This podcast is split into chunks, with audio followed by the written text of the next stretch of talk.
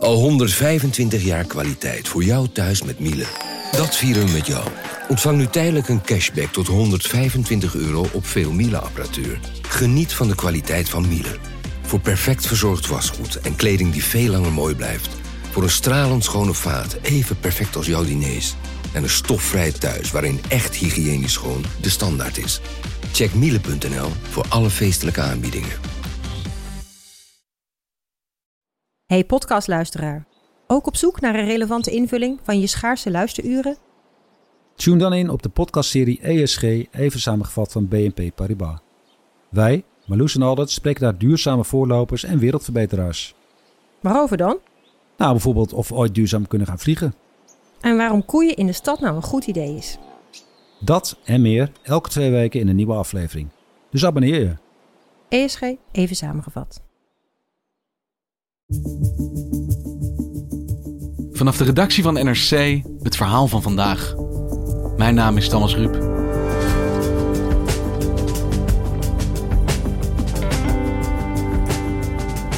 Het lijkt soms zo, maar het is echt niet waar. Coronanieuws is niet alleen maar slecht nieuws. Terwijl het aantal besmettingen wereldwijd weer toeneemt en ook hier een tweede golf steeds dichterbij lijkt te komen, wijst medisch redacteur Niki Korteweg ons op de lichtpuntjes in de duisternis.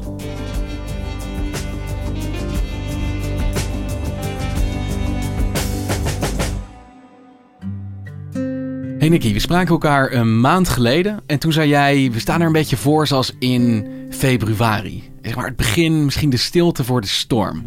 Nou, onze zomerstop zit erop en ik denk gewoon het eerste wat ik jou wil vragen is, waar staan we dan nu met corona? Ja, ik vergeleek het toen met eind februari. En uh, dat was eigenlijk in de zin dat, uh, dat er heel weinig besmettingen waren, maar dat je natuurlijk niet weet wat er dan onder, onderhuids nog ligt en dat het zo weer op kan vlammen.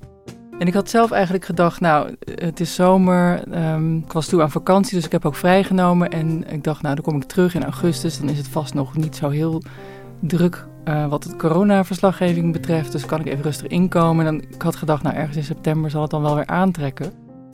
Maar ja, we weten allebei dat het eind juli alweer uh, enorm begon toe te nemen, het aantal besmettingen.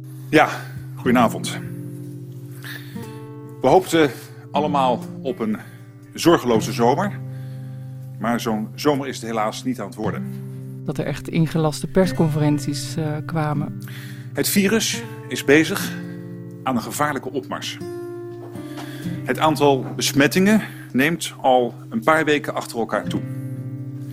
En we dreigen de winst te verspelen die we met elkaar in de afgelopen maanden hebben geboekt.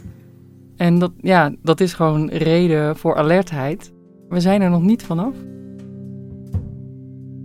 En jij vergeleken met eind februari. We weten natuurlijk allemaal wat er vanaf dat moment gebeurde in Nederland. Zijn we dan nu eigenlijk weer in maart beland? Het is nu anders dan in maart. De IC's liggen niet zo vol, er sterven minder mensen aan corona. Uh, het aantal besmettingen neemt wel een beetje toe. Um, maar die, die grote piek hebben we nu natuurlijk niet.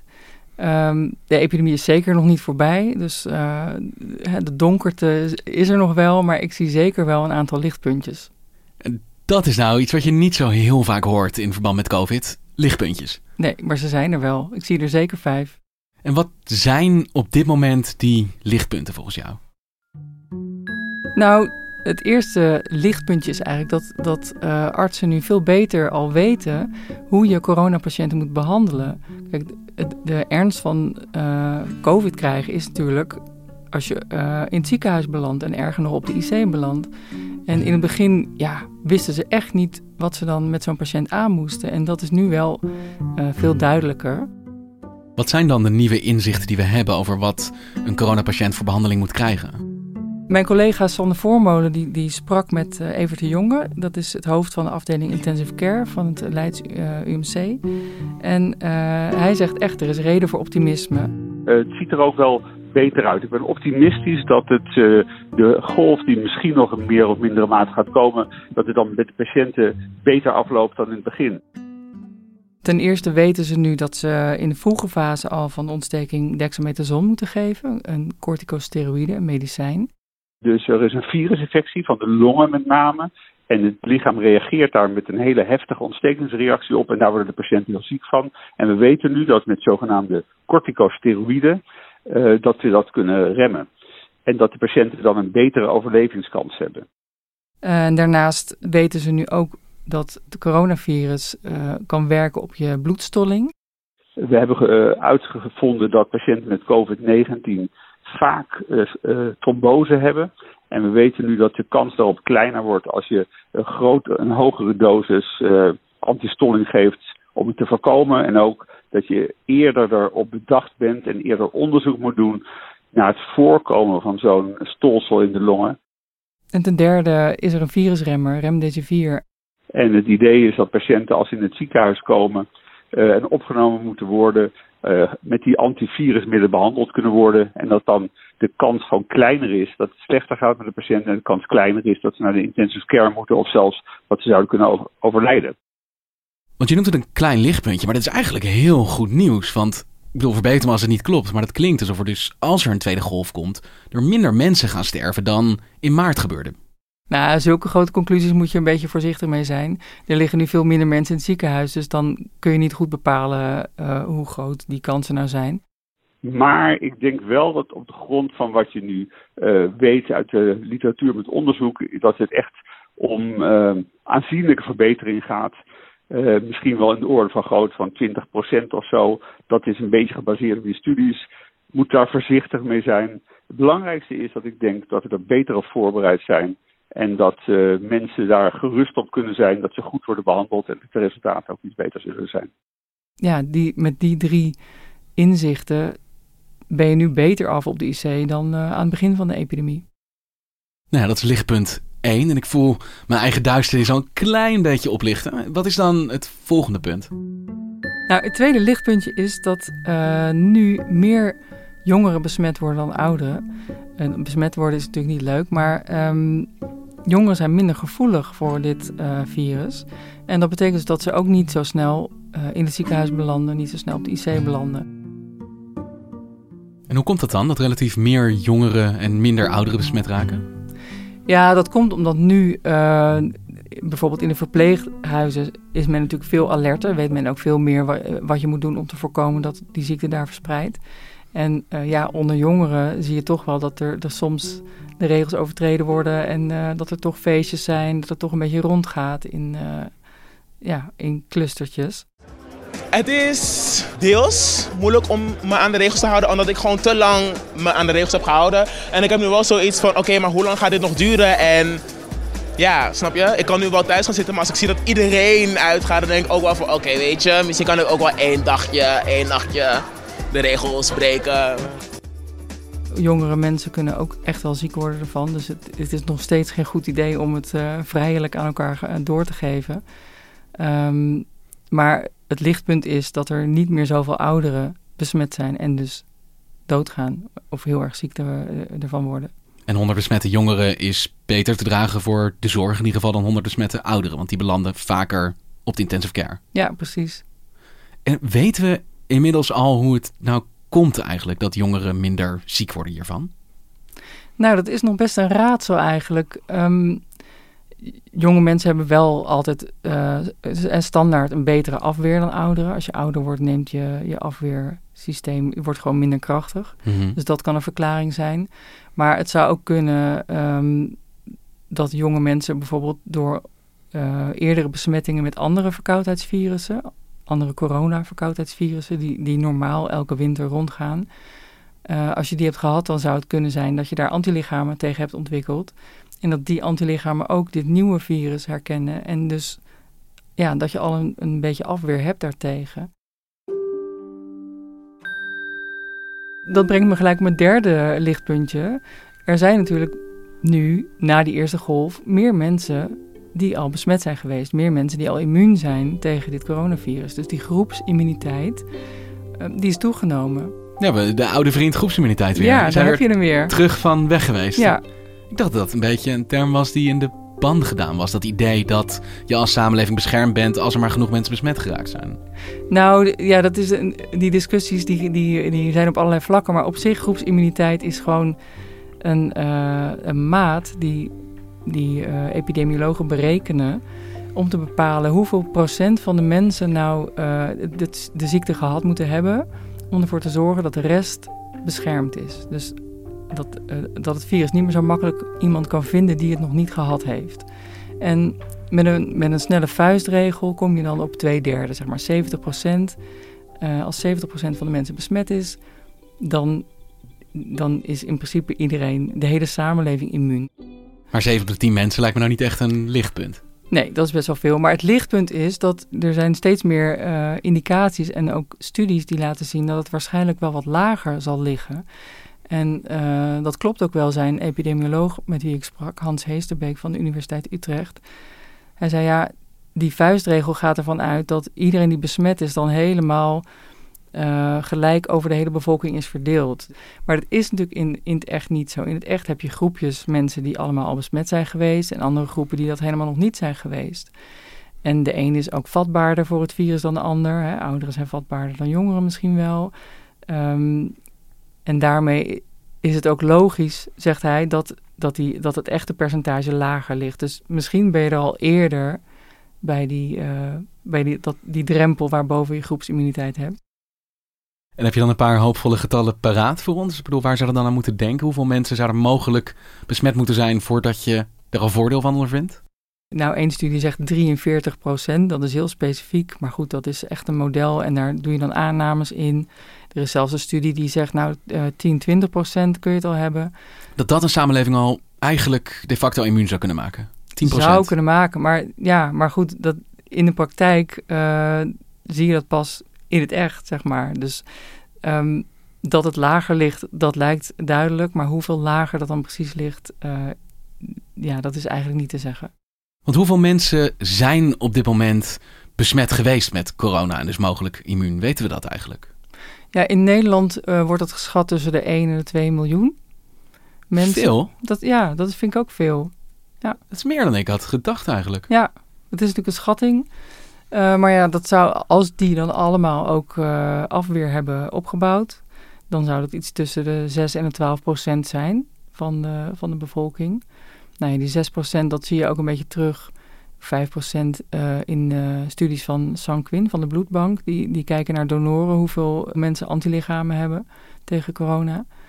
In hoeverre iemand dan immuun is die besmet is geraakt, dat is nog een beetje de vraag. Maar stel um, dat, het, dat een deel van de mensen inderdaad nu immuun is daartegen, dan, ja, dan ligt dat tussen de 1 en 2 miljoen. Dus als meer mensen dan we eerder dachten eigenlijk al besmet zijn geweest en misschien de drempel voor groepsimmuniteit lager is, dan zijn we misschien volgens de meest optimistische aanname al iets verder in de buurt dan we eerder dachten. Ja, we zijn iets verder in de buurt. Um, en tegelijkertijd zijn we er nog lang niet. Hè? We hebben echt nog wel een aantal golven nodig, zouden we dan hebben om, om echt die, zo'n hoog percentage te bereiken. Dus nog steeds is het een beter, beter idee om dat met een vaccin te bereiken. Maar uh, ja, we zijn misschien iets dichterbij dan, uh, dan we dachten. Ja, en dat brengt me op het uh, vierde lichtpuntje. Um, sommige studies laten nu zien dat um, niet geïnfecteerde mensen soms ook al afweer hebben tegen dit coronavirus. Van zichzelf al? Van zichzelf al. Want hoe komen ze daar dan aan als dit virus eigenlijk gloednieuw is? Voor een goede afweer tegen, tegen virussen en andere infectieziekten heb je eigenlijk uh, twee takken nodig. Heb je twee sporenbeleid nodig. Aan de ene kant heb je antilichamen nodig, antistoffen mm-hmm. tegen het uh, virus. En aan de andere kant heb je ook uh, immuuncellen nodig die ook daartegen vechten. Die andere geïnfecteerde cellen opruimen, die andere immuuncellen aanjagen om ook actief te worden. En die een soort geheugen vormen uh, tegen dat, en dat ze onthouden dat die infectieziekte bestaat en dat je daartegen moet vechten. En um, belangrijke cellen daarbij zijn T-cellen, dat zijn witte bloedcellen, die, uh, die vechten tegen infecties. En uh, ja, soms hebben mensen die dus al gevormd in hun lichaam, zonder dat ze dat hele virus hebben gezien. Dat kan dan komen uh, doordat ze bijvoorbeeld al eerder een infectie hebben doorgemaakt met een ander coronavirus, een onschuldig coronavirus, wat al standaard iedere winter langskomt en waar mensen verkouden van worden. En uh, het kan zijn dat die T-cellen, zeg maar, en dan ook dit nieuwe virus herkennen Ja, dus waar we eerst dachten dat iedereen per definitie weerloos was tegen dit virus, want het nieuw was, is dat misschien toch niet zo. Ja, dat klopt. En als ik nu goed heb meegeteld, en dat is niet mijn sterkste kant, hebben we nu vier positieve punten gehad. Dan hebben we nog een vijfde van jou te goed. Ja, dat, is, uh, dat vind ik ook zeker een lichtpuntje. Uh, de snelheid waarmee nu die vaccins uh, ontwikkeld worden. Want die ontwikkeling daarvan gaat razendsnel. Heel veel mensen, heel veel partijen over de hele wereld proberen een, een vaccin te maken tegen het coronavirus. The vaccine news coming fast and furious today. Pfizer and its German partner BioNTech now announcing they have begun their pivotal phase 2 3 trial of their COVID 19 vaccine. Major news today from Pfizer. The pharmaceutical company says it should know by the end of October whether its vaccine works. Another coronavirus vaccine has begun its phase 3 clinical trials, the last stage before approval. AstraZeneca says it's enrolling 30,000 Americans in the Er zijn al, al 170 uh, kandidaatvaccins. 31 daarvan worden in mensen getest. Acht daarvan zijn al in de fase uh, dat het in mensen wordt getest om te kijken of het echt beschermt tegen, tegen dit virus, tegen de infectie. Dus dat gaat echt razendsnel en die resultaten zien er aardig uit. Dus um, ja, dat biedt wel goede hoop dat er inderdaad een, uh, een vaccin zal komen of meerdere vaccins waarschijnlijk, um, die ons zullen beschermen tegen dit virus. Ja, dat hebben we hier natuurlijk ook in de podcast vaak over gehad. Het was de vraag of het er zou komen, of het zou lukken. En dan nog de vraag, ja, hoe lang gaat dat duren? Want het snelste hiervoor was twee jaar geweest. Ja, nou ja, die vragen staan nog steeds. En uh, het blijft ook nog heel erg afwachten. Hè? Al die, die uh, kanten van het afweersysteem waar ik het net over had. Uh, ben je wel beschermd? Blijven die antilichamen wel lang genoeg in je bloed? Uh, bouwt het geheugen zich wel op? Al dat soort dingen moeten nog beantwoord worden. Maar het tempo waarmee dat wordt uitgezocht is, uh, is hoopgevend. En de resultaten tot nu toe ook.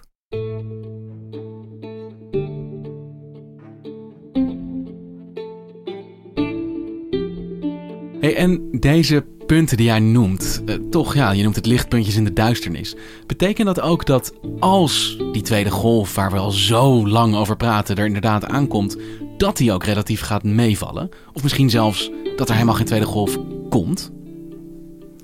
Ja, kijk, de vraag of er een tweede golf komt, dat, die komt als, als wij ons niet aan de regels houden. Die komt als het virus zich toch weer kan verspreiden. Um, dus dat hebben we zelf in de hand. Dus die lichtpuntjes bieden hoop, maar het blijft nog steeds wel uh, oppassen natuurlijk.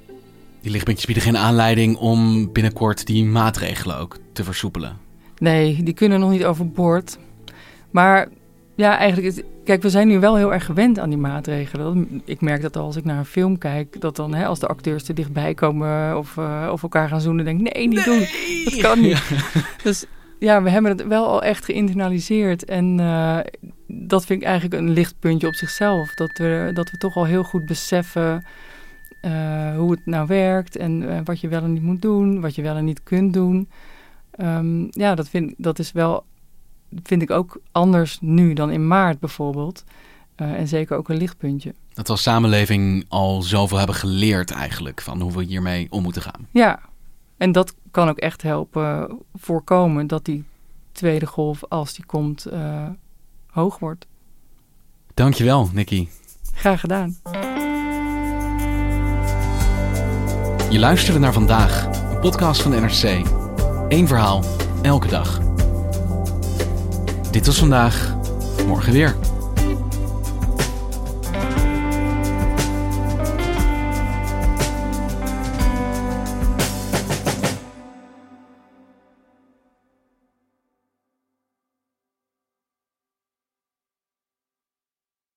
Technologie lijkt tegenwoordig het antwoord op iedere uitdaging.